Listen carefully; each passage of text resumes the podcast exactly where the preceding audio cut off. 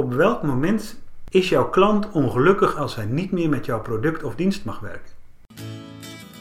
Welkom bij de podcast van Textmodel. Ik ben Paula van Gemen en ik help professionals bij het verhelderen van hun communicatie. Ik ga in gesprek met Jan van der Spoel.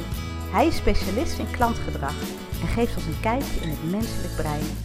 Aan het eind van de podcast weet je hoe kennis over jouw klant gaat bijdragen aan jouw succes.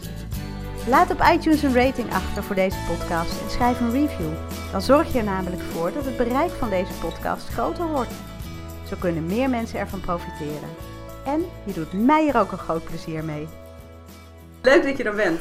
Ja, super dat, ik, uh, dat je me gevraagd hebt. Vind ik erg Ja. leuk. Ja, jij hebt namelijk iets eh, te vertellen. Je hebt een, eh, een oplossing eh, voor iets waar heel veel ondernemers mee zitten. Ehm, en wat is dat iets? Nou, de wereld heeft een overvloed aan keuzes. En als ondernemer heb je ook een, een overvloed aan keuzes. Maar welke keuze moet je nou maken? Hè? Stilstaan is geen optie natuurlijk als ondernemer. Want hè, stilstand is achteruitgang. Maar als je dan vooruit wil, welke keuzes moet je maken om succesvol te zijn en om succesvol te blijven zijn? Voor welke technieken moet je gaan? Welke apps moet je gaan gebruiken als eh, bedrijf? Wat, wat moet je allemaal doen? Nou, jij hebt volgens mij de oplossing. Ja, als je gaat kijken naar, naar de, de, de, keuzes die, waar een, ondernemer op dit moment voor staat, dan is dat precies dat. Je ziet dat ehm, eh, je wordt overspoeld door allerlei, sorry, door allerlei technieken, mogelijkheden. ehm, wat wil je gaan doen? En als ondernemer wil je een route uitstippelen ehm, waar je zeker van kan zijn. En was het nou zo dat eh, tot een jaar of 10, 20 geleden kon je volgens alle bestaande eh, business principles kon je je bedrijf bouwen. Ehm, je kon heel duidelijk zeggen van nou, ik heb een bepaald product, dat moet in de markt en dan moet ik deze dingen voor doen. En dan eh, met voldoende, met, als je de juiste parameters hanteerde, dan, dan wist je dat je goed, goed bezig was. Maar wat er nou de laatste 20 jaar gebeurd is, is dat er eh, um, um, in eerste instantie dankzij internet, maar zeker dankzij social media, er een totaal nieuwe dynamiek is ontstaan. En die dynamiek die zorgt ervoor dat uh, gevestigde bedrijven die al jarenlang helemaal fantastisch uh, werk deden, ineens worden weggeblazen door start-ups of door slimme techniekjes. Of door een gratis product van Google. Ja. Moet je voorstellen van dat, je, dat je tonnen hebt geïnvesteerd om een bepaald softwareproduct op de markt te krijgen. En oh, wat zijn we allemaal blij, Google geeft het gratis weg. Natuurlijk wat minder geavanceerd dan dat jij het had. Maar met hun marktbereik en met hun, met hun, hun inspanningen en het feit dat het niks kost, uh, ben je gezien. Um, uh, en dan moet je zelf nog maar zo alert zijn om de, om de mogelijkheden erin te zien. Een grappige anekdote is dat uh, Kodak heeft zelf de digitale camera ontwikkeld. De digitale principes.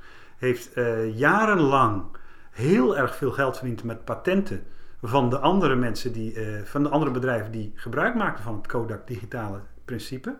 En is zelf desondanks nog failliet gegaan. Dus zelfs al heb je een beetje een gevoel welke kant de wereld opgaat, dan nog kan je failliet gaan door de werkelijkheid. Ja. Waar moet je je dan in godsnaam op richten? Je wil die stip aan die horizon. Als je geen stip aan de horizon zet, dan ben je heel erg leuk bezig met je bedrijf intern opnieuw op te schudden, maar dan ga je niet ergens naartoe. Dan heb je geen richting.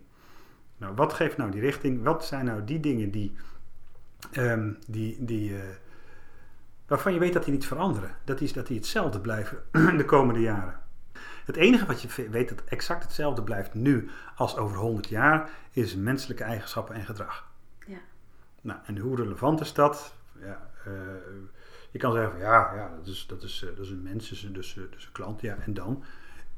Mijn bedrijf maakt products X, Y, Z en ik bepaal hoe mensen zich daarop uh, op reageren. Maar dat is dus niet zo. Dan ben, je, dan ben je leuk arrogant bezig, maar dan is de kans dat jij in het rijtje van de Kodaks mag gaan staan uh, um, redelijk groot. Mijn stelling is dat juist als je menselijke eigenschappen als, en gedrag als uitgangspunt neemt voor je eigen bedrijfsvoering, dat dan de, de kans op succes het allergrootste is. Um, dat heeft puur te maken met, met het inzoomen op datgene wat de klant nodig heeft. En nog niet eens wat hij zegt nodig te hebben, maar echt nodig heeft. Um, Kun je daar een voorbeeld van geven? Want wat mensen zeggen nodig te hebben is dus iets anders dan wat ze echt nodig hebben? Ja, mensen zeggen niet wat ze denken en ze doen niet wat ze zeggen. Ehm, en dat geldt ook voor, voor, voor, voor klanten. Ehm, eh, een heel mooi voorbeeld is eh klanttevredenheidsonderzoeken. Daarin gaan mensen een bepaald antwoord geven. En als je vervolgens hun gedrag gaat bekijken, dan is hun gedrag anders dan de antwoorden die ze geven. Mensen zeggen van ja, we zijn, we zijn tevreden, ja, we, we, we, zijn klant, we gaan dat volgend jaar ook doen. En oh, hey, er gaan wel eh, zoveel procent, neemt wel afscheid bij het bedrijf. Ja, maar je zei toch dat je tevreden was? Ja, ik ben wel tevreden, maar uh, kan een ander aanbod langs? Of uh, ik, ik wil toch eens een keer bij een ander proberen. Dus wat mensen zeggen en wat mensen doen, dat zijn twee dingen die hebben niet zoveel met elkaar te maken. Dus daarom zijn klanttevredenheidsonderzoeken niet, niet zo best. Of de, de, de geëikte vragenlijsten geven mensen ook weer gewoon wenselijke antwoorden. Dus op het moment dat je wil weten van hoe mensen echt op jouw product reageren, dan moet je ze in een situatie plaatsen en dat je gaat observeren. Dan, dan zie je wat de relatie ermee is. Dan zie je of ze het snappen. Dan zie je of het binnenkomt überhaupt. En dan ga je gewoon puur kijken naar gedrag. Oké, okay, dus jij zegt de, waar, je, waar je op kunt. Uh, uh, als jij die zet een stip op de horizon mm -hmm. en die kun jij bereiken door naar de klant te gaan kijken. Mm -hmm. En door in te spelen op de behoeftes die mm -hmm. de klant heeft. Ja. En hoe verandert dat dan onze bedrijfsvoering? Hoe verandert dat dan mij als ondernemer als ik me daarop richt? Mhm. Ik bedoel, het biedt mij misschien zekerheid. Nou, niet misschien, dat is een beetje een rare. Het Ja, biedt mij ja, misschien ja. zekerheid. Maar Nou, het, het, het, het, het, het geeft je richting. Uh, we hebben een model ontwikkeld en dat model heet de, de, motivatiescanner. En in dat model vergelijken we datgene wat je doet in je bedrijf met een aantal assen. Dat model gaat uit van het, van het principe uh, behoefte plus emotie is motivatie. Mensen kunnen iets nodig hebben, maar de emotie daarbij hoort zorgt ervoor dat mensen daadwerkelijk in actie komen. Uh, en dat kan je op verschillende niveaus doen. Uh, een, een, een marketeer kan bijvoorbeeld een technische behoefte hebben aan communicatiemiddelen in een campagne. Maar zijn echte motivatie kan zijn dat het om succesvol te zijn, om promotie te maken. Dus op het moment dat je hem gaat aanspreken op van, hé, hey, wil jij een goede campagne? Stel dat je een reclamebureau bent. Dat zal hem maar tot op zekere hoogte triggeren. Op het moment dat je hem aanspreekt met, het, met de vraag van, goh, wil jij succesvoller zijn in jouw bedrijf? Meer kans maken op promotie. Dat zal hem intrinsiek veel meer aanspreken dan de eerste technische ja. vraag. En zo zijn er nog een, een, een, heel aantal zaken waar je, uh, als je naar jouw klant gaat kijken, heel duidelijk antwoorden krijgt in sowieso hoe je met hem moet gaan communiceren. Maar ook hoe je je eigen producten kan optimaliseren om gewoon een betere dienstverlening uh, tot stand te brengen met jouw klant. En er zijn een aantal uh, bedrijven die jij kent die dit al heel goed doen. Die, die, die, die al heel erg bezig zijn, juist inderdaad met die behoeften, maar ook met die emotie van de klant. Ja, je, je, je ziet dat bijvoorbeeld ZLM, in, is een verzekeraar in Zeeland. Daarvan heeft de, de, de eigenaar CEO gezegd, die, die rekent zijn, zijn, zijn mensen af op klanttevredenheid en niet op financiële parameters. Dat heeft als effect dat iedereen zich veel meer op gedrag gaat richten en op tevredenheid gaat richten dan op, dan op een financiële prikkel. Want, zegt die, zegt, zegt die uh, uh, eigenaar, op het moment dat ik mijn mensen afreken op financiële prikkels, dan komt dat uiteindelijk bij de klant terecht. En nu is ZLM een van de, zeg maar, de enige verzekeraar die een, een, een, positieve klantscore heeft. Zelfs al noem je het een, een low interest en low involvement product. Mensen zijn blij om daar onderdeel van klanten te mogen zijn.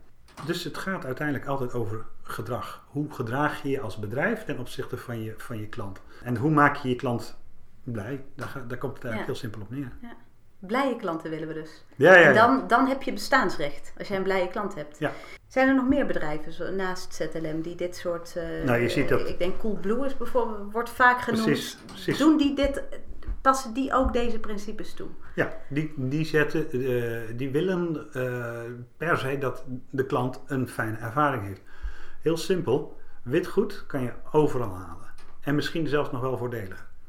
Uh, het feit dat zij in staat zijn geweest om in een paar jaar tijd met een, een, een, online omgeving, met witgoed, een bedrijf te worden waar mensen blij van worden, waar mensen een glimlach op hun gezicht krijgen als ze er iets mee mogen doen. Ja, dat is natuurlijk fantastisch. Ja. Uh, een, een, een, andere uh, vergelijking is bijvoorbeeld um, Zalando in Nederland of Zappos in, in Amerika. zij, zij hebben heel duidelijk gezegd van, van goh, wij gaan, eh, wij gaan eh, schoenen online aanbieden. De markt zegt van nou, dat kan je vergeten, want, want eh, mensen willen schoenen passen. Dan zeg je van nou, dan, dan, dan, dan laten we ze het toch passen, dan sturen we het op. En dan is de, de, de, de- het, het, het onderscheidende van een Zalando en een Zappos is niet dat ze schoenen zijn gaan verkopen online. Het, het onderscheidende is de kwaliteit van de service. Ja. Het feit dat mensen ze gratis mogen terugsturen, een jaar later zelfs. Het feit dat, eh, dat mensen zo vaak mogen terugsturen als ze willen. Dat is een intrinsieke kwaliteit en niet een productkwaliteit. En als je dan ziet dat die bedrijven de hele branche ontwrichten. Ineens dat, dat, dat, dat alle traditionele schoenenbedrijven het lastig krijgen, want mensen kopen hun schoenen eh, eh, online, met name bij Zalando. Als je ziet dat, dat, eh, ander voorbeeld, het is een voorbeeld wat verschrikkelijk vaak wordt gegeven, maar ik heb onlangs een, een, een, een anekdote gelezen over Steve Jobs een tijd geleden. Dat is echt lang geleden. Waarin hij eh, zich ook heel erg duidelijk uitsprak over het feit dat wat zij doen niks te maken heeft met technologie, maar met, met datgene bieden waar mensen blij van worden. En als je dan ziet dat dat uitgangspunt er heeft, toe heeft geleid dat een, een vier, vijftal industrieën fundamenteel zijn veranderd. De telefonie, eh, de muziekbusiness eh, en ga zo maar door. Ehm, puur door het uitgangspunt is van wat wij gaan, wat wij gaan doen, is die dingen die mensen daadwerkelijk willen hebben. Ja. Waar ze blij van worden. Nou, en nou noem je voorbeelden, dan denk ik, ja, oh ja, mooi gedaan Zalando. Ja, goed. En eh, ja, Apple natuurlijk, Coolblue, hele bekende voorbeelden. ZLM kende ik nog niet trouwens, daar ben ik Mhm. erg nieuwsgierig naar. Ehm, eh, maar hoe doe je dat als je de boekhouder op de hoek bent? Ehm, hoe onderscheid je je als je eh, het trainingsbureau eh, bent, waar er ook tig van zijn? Een, een, een, een, een kapperszaak. Ehm, hoe doe je dit? Mhm. Hoe kom je daar? Want jij hebt het over een. eh, ehm, je, hebt, je hebt een, een motivatiescanner gemaakt. Ehm, ik ken hem, je hebt hem me uitgelegd. Het gaat te ver om die helemaal in deze podcast. Het is een heel, echt een prachtig model waarmee je ehm, kunt ontdekken wat er nu echt speelt bij een klant hè? En, en, en, en hoe je die klant kunt aanspreken. Maar kun jij in een notendop een paar. Kijk, ja, notendop, dat is misschien wel heel veel gevraagd. Maar kun je een paar dingen meegeven voor die ondernemer die nu zit te luisteren? Die die kapperszaak op de hoek heeft. Of die dat accountant of boekhoudbureau eh, op de hoek heeft. Wat kan die persoon doen om in te spelen op het gedrag van de klant? Wat, Mhm. wat moet hij daarvoor weten van de klant? Dat is precies wat je in jouw laatste eh, zin zegt. Ehm, wat moet je weten van je klant? Ik kan het ook omdraaien. Wat weet je van je klant? Heel praktisch. Wat weet je nou echt van je klant? Zoom nou eens in op een bepaalde groep. Eh, een groep die relevant voor jou is. En leg daar nou eens het vergrootglas op. Wat weet je van die groep? Wat zijn hun behoeften? Hoe is het thuis? Eh, stel nou dat, jou, eh, dat, je, dat je dameskapper bent. en jouw, je, je, jouw cliëntele, dat zijn dames eh, tussen de 30 en de 50 en qua kern. Wat weet je nou van deze groep? Nou, je weet dat ze met name, ehm, eh, zodra een vrouw 30 is geweest, is ben ik heel benieuwd kans, wat je gaat zeggen. is de kans dat zij moeder is ja. buitengewoon groot. Mhm. Dat is best een veilige aanname. En zodra je weet dat een vrouw moeder is, weet je dat ze eh, het jong leren van werk en, en, en, en privé altijd een, een, een kluif is. ja. Het is altijd een gedoe voor iedereen. Voor vaders, voor sommige vaders ook, maar die kunnen het wat meer langs aflopen, om het zo maar eens Ja. te zeggen. Maar voor jonge moeders is dat een punt. Stel nou dat je dan zegt van ja, ik ben een kapper en ik werk alleen op afspraak en ik werk alleen dan en dan en dan. Oké, dat, dat, dat is dan een uitgangspunt van jouw organisatie die je dan legt op jouw doelgroep. Maar op het moment dat je echt naar jouw doelgroep gaat kijken, dan zou het wel eens kunnen zijn dat de manier waarop jij afspraken maakt, of de manier waarop jij je, je interne organisatie hebt gemaakt, als je die veel meer richt Mhm.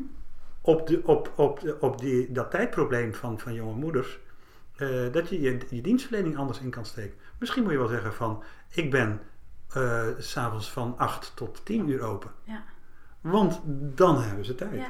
En als je dus vanuit jezelf redeneert, dan denk je, ja, luister van 8 tot 10, ik ga toch niet s'avonds open zijn. En kapperszaken zijn overdag open. En, maar, maar je Precies. komt dus tot zo'n inzicht op het moment dat jij je heel erg goed inleeft en dus inzoomt Mhm. op die doelgroep. Ja. Maar wat je zegt, is dat dan niet eigenlijk gewoon, ach, het bekende doel- en doelgroepverhaal? Weet wat je doel is, weet wie je doelgroep is, ken je doelgroep en eh, nou, daar pas je je, daar, daar, daar richt je je diensten op. Dat, ik weet dat het het niet is, dus het is een beetje een flauwe vraag. Ik weet dat het niet is, maar wat, wat hoeveel dieper moet gaat verder- jouw verhaal? Eh, omdat, je, eh, omdat ik pas ophaal op het moment dat ik de mens zie. Je kan, je kan heel simpel zeggen van, van ehm, ehm, eh, je, je, je definieert in je bedrijf een markt.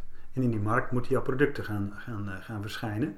En als je naar een markt gaat kijken, dan in, zit, in die markt zitten doelgroepen. En dat vind ik eigenlijk, dat is een, een, een uitgangspunt om te komen tot de persoon, de mens, die daadwerkelijk over jou, voor jouw product gaat kiezen of niet.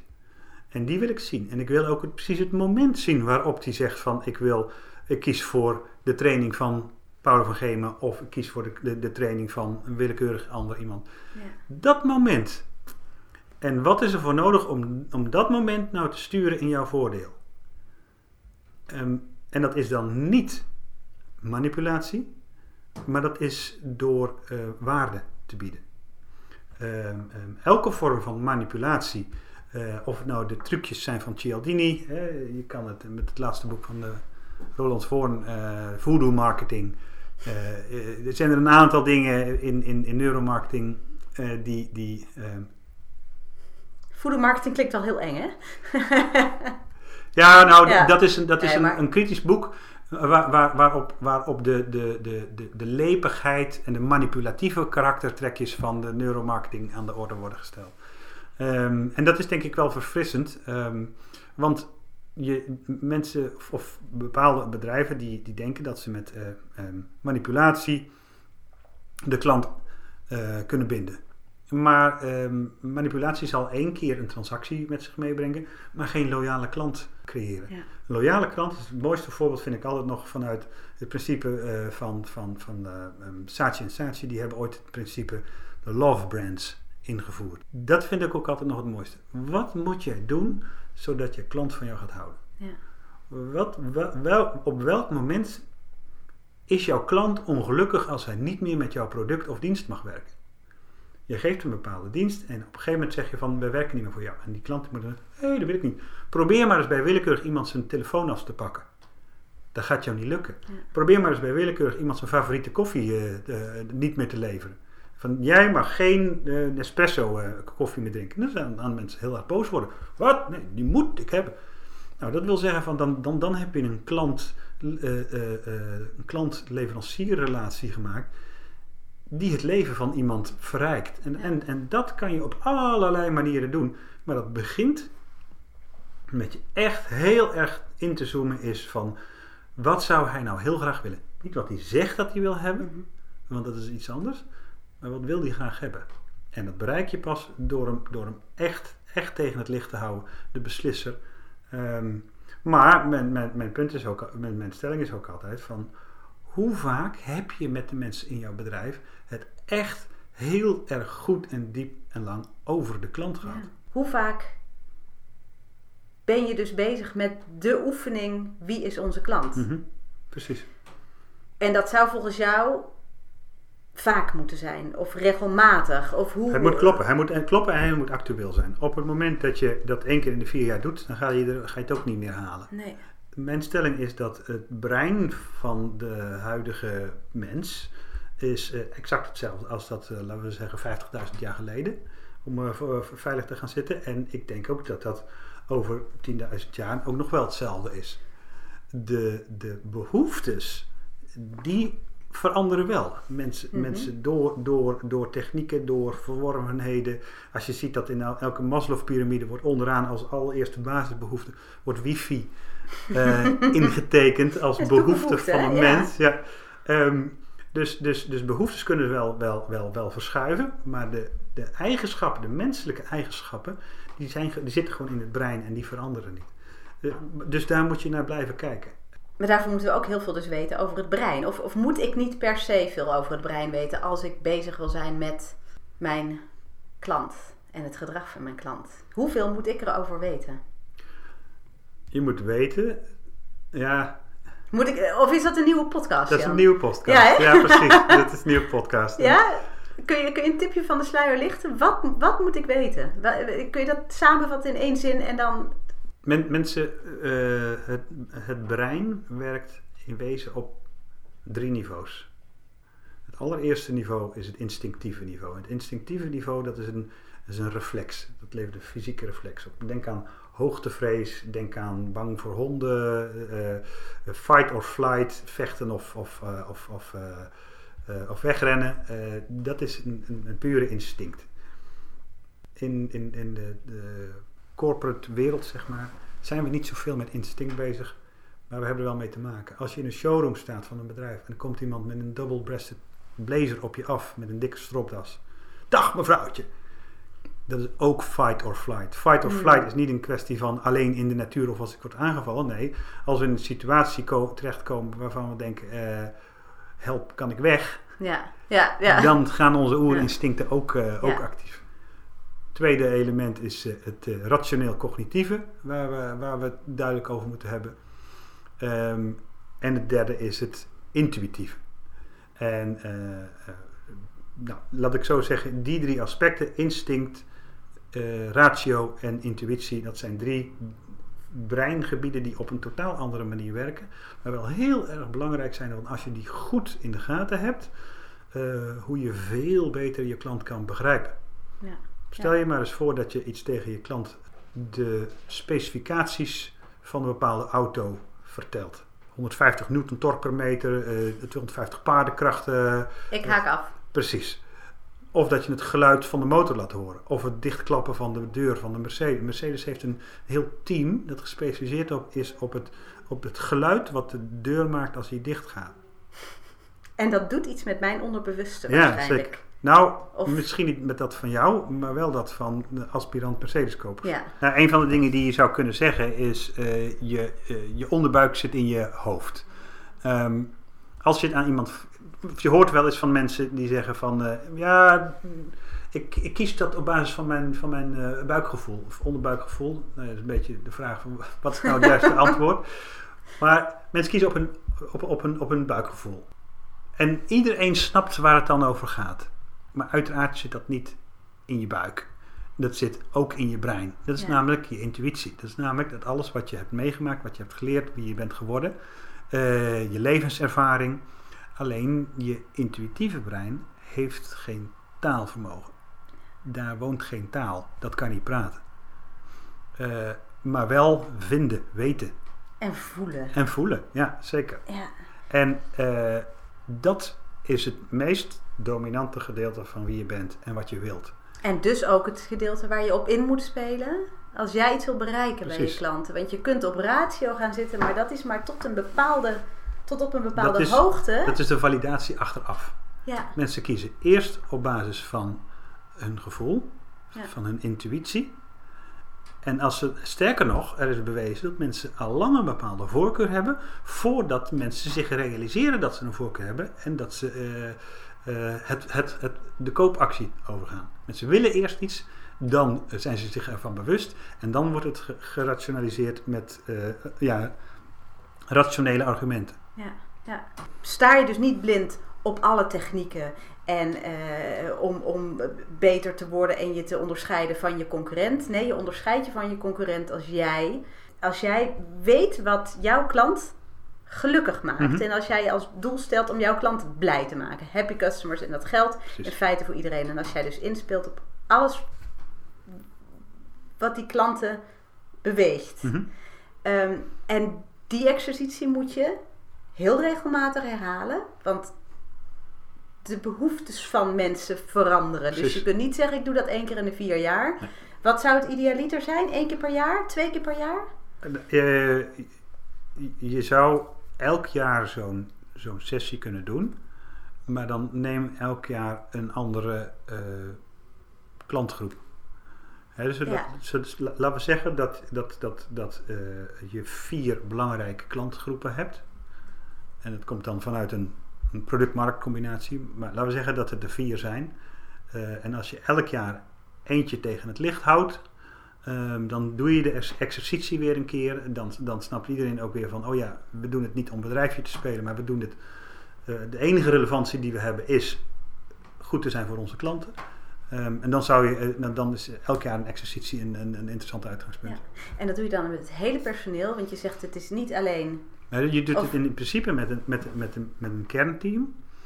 Maar de, de, de, de inzichten die eruit komen, die ga je visualiseren. Eh, dan ga je een persona, je, je werkt al met een persona, dus een klantpersona. Die, die inzichten, die ga je vervolgens visualiseren, voorzien van, van, van, eh, van, van tekst en beeld. eh, en in het bedrijf plaatsen. Wat we ook altijd doen, is dat je in het bedrijf kom je op allerlei plekken kom je die klant weer tegen. Wat hij zegt, wat hij voelt, wat hij doet. Ja. Zodat iedereen in het bedrijf op een gegeven moment begrijpt van, van eh, of eigenlijk instinctief voelt. Dan maak je dus ook weer een geautomatiseerde kennis van. We Ja. voorstellen dat het bedrijf, iedereen in het bedrijf voelt wat eigenlijk het beste zou zijn voor de klant. Ja, Dat doen wij. geweldig. Dan, dan zie je namelijk dat alles verandert in je organisatie zonder ook maar iets te veranderen. Het enige wat je toevoegt is begrip voor de klant. We zijn door de tijd heen. Ja. Ik ga zeker een nieuwe podcast met je maken, omdat ik het heel interessant vind om te weten hoe dat brein werkt. Ehm, en voor nu wil ik kijken of we de luisteraar, de ondernemers die nu luisteren, iets mee kunnen geven waar zij morgenochtend meteen mee aan de slag kunnen. Is er iets van dit hele verhaal wat zij morgen kunnen gaan toepassen? Ja, wat ik al eerder zei, van schrijf eens op wat je weet van je klant. Ja. Wat weet je echt van je klant? Dus zoom eens in op een klant. En hoe doe je dat? Van je gaat van doelgroep, eh, eh, misschien product-marktcombinatie, maar ehm, eh, zoek een klantgroep, zoom daarop in, definieer daar een, een, een, eh, een prototype van, een persona, en ga eens echt inzoomen, wat weet je van hem? En als je, als je niet verder komt, dan vraag je dan iemand anders en zeg van, goh, wat weet jij van hem? Zodat je dat, dat, dat, dat, dat eh, krachtiger wordt en groter wordt. Ja, en- dit klinkt al heel heftig. Dit lijkt mij verschrikkelijk moeilijk voor veel mensen. Is dat ook heel moeilijk? Of valt dat mee als je uiteindelijk aan de, ermee gaat beginnen? Je moet, nou, wij hebben daar een methode voor ontwikkeld. ja. Maar ik denk dat als je als, als, als, eh, als bedrijfseigenaar, eh, als ZZP'er of als, als zelfstandige eh, ondernemer, je echt inzoomt op een, op een bepaald gedeelte van, jou, van, jou, van jouw doelgroep. En je gaat echt kijken van, wat is mijn relevantie ten opzichte van die groep, maar wat weet ik van die persoon? Daar kan je jouw bedrijfsvoering of jouw marketingcommunicatie of datgene wat jij, wat je heel graag wil leveren, ehm, op zodanig op, op, eh, op aanpassen dat die combinatie tussen dat, jouw bedrijf en de behoeften van de klant optimaal wordt. Oké, ik ga je uitdagen. Ik ga je uitdagen. Ik, ik hou van praktische Ja, dingen. Dat weet je, hè? Wat nu als wij in de komende dagen een A4'tje gaan ontwikkelen, mhm. waarop een aantal vragen staat. Een aantal vragen om de luisteraar, om die ondernemer te helpen zijn persona, de persona, dus die klant in beeld te brengen. Van wat weet ik over de klant? Ik Mhm. kan me namelijk voorstellen dat mensen het heel moeilijk vinden om met een blanco vel te beginnen. Mhm, mhm. En dan gaan ze zeggen, wat weet ik over de klant? Nou ja, ja, goed, ik moet maar gaan schrijven. Kunnen wij een aantal vragen opstellen? absoluut. Ja. En daarmee, weet je, dat, ga, dat, is, dat is niet de motivatiescanner. Dat is namelijk hè, dat hele uitgebreide, prachtige programma dat jij hebt. Maar dat is echt een A4'tje met een paar vragen die sturen en Mhm. helpen om in te zoomen op de klant. dat kan. Dat gaan we doen. Die plaats ik op de site. Mhm. Die kunnen mensen gaan downloaden en die kunnen ze gaan gebruiken. Ja, is goed. Gaan we die maken? Ja, Oké. Nou, dan- ik help je, hè? ja, ja, we ja doen het samen, oké? Ja, ja, Ja. perfect. Goed. Die gaan we op de website plaatsen. Die kun je downloaden. Dus je kunt dadelijk, als je deze podcast hebt afgerond, ook meteen aan de slag. Je downloadt hem, je print hem en je gaat hem invullen. Nou, iedereen kan natuurlijk altijd eh, contact opnemen. Ehm, eh, want omdat we dit gesignaleerd hebben als, als, als, als behoefte en ook als een heel eh, een, een middel om, om je eigen bedrijf gewoon succesvoller te maken, hebben we twee dingen gedaan. Wij kunnen een bedrijf compleet helpen met het maken van de persona. Ja. En eh, het, het, het, het, het fine-tunen van, van wat je klant daadwerkelijk echt motiveert. Op de verschillende niveaus. Eh, dus dat kunnen we helemaal voor je doen. Als je zegt van ja, maar ik wil het zelf kunnen. Ja. Dan heb je bij de Persona Academy eh, verschillende trainingen waarop je het kan leren. De ene training is specifiek gericht op ondernemers zelf. Dus dat is een executive masterclass. En de andere trainer is eh, gericht op mensen die met name anderen toch moeten adviseren. En dat zijn communicatieprofessionals. Dus webbouwers, eh, maar ook eh reclamemensen, marketingmensen. Eh, die leren wij hoe ze het model moeten toepassen. Zodat zij hun klanten weer beter kunnen adviseren. Dus een executive masterclass en een masterclass voor trainers. Ja. Dat zijn de twee belangrijkste dingen. En als je zegt van ja, ik wil alleen de kern weten, dan hebben we daar gewoon een hele praktische workshop van een, van, van een halve dag voor. Ja, ja. Werk aan de winkel. Super, gaan we doen. Heel veel succes ermee. Dankjewel. En eh, ja, eh, dus download het formulier hieronder. Ga aan de slag met die persona en eh, heb het erover met je collega's, met je medewerkers. En kijk wat het doet, welke inzichten het je brengt. Neem contact op met Jan als je er niet verder mee komt. of als je gewoon er nog dieper op in wilt gaan. Jan's gegevens staan uiteraard ook op de pagina waar, deze podcast, waar je deze podcast beluistert. En eh, Jan, dankjewel. Nou, heel graag gedaan. Ik ga aan de slag, eh, ook met de persona's Heel goed. van mijn bedrijf. Superleuk dat je erbij was. Vind je deze podcast interessant? Geef dan je reactie, schrijf een review op iTunes en deel hem in je netwerk. Dan kunnen nog meer mensen ervan profiteren. Mooi toch? Tot de volgende keer en geniet van je werk.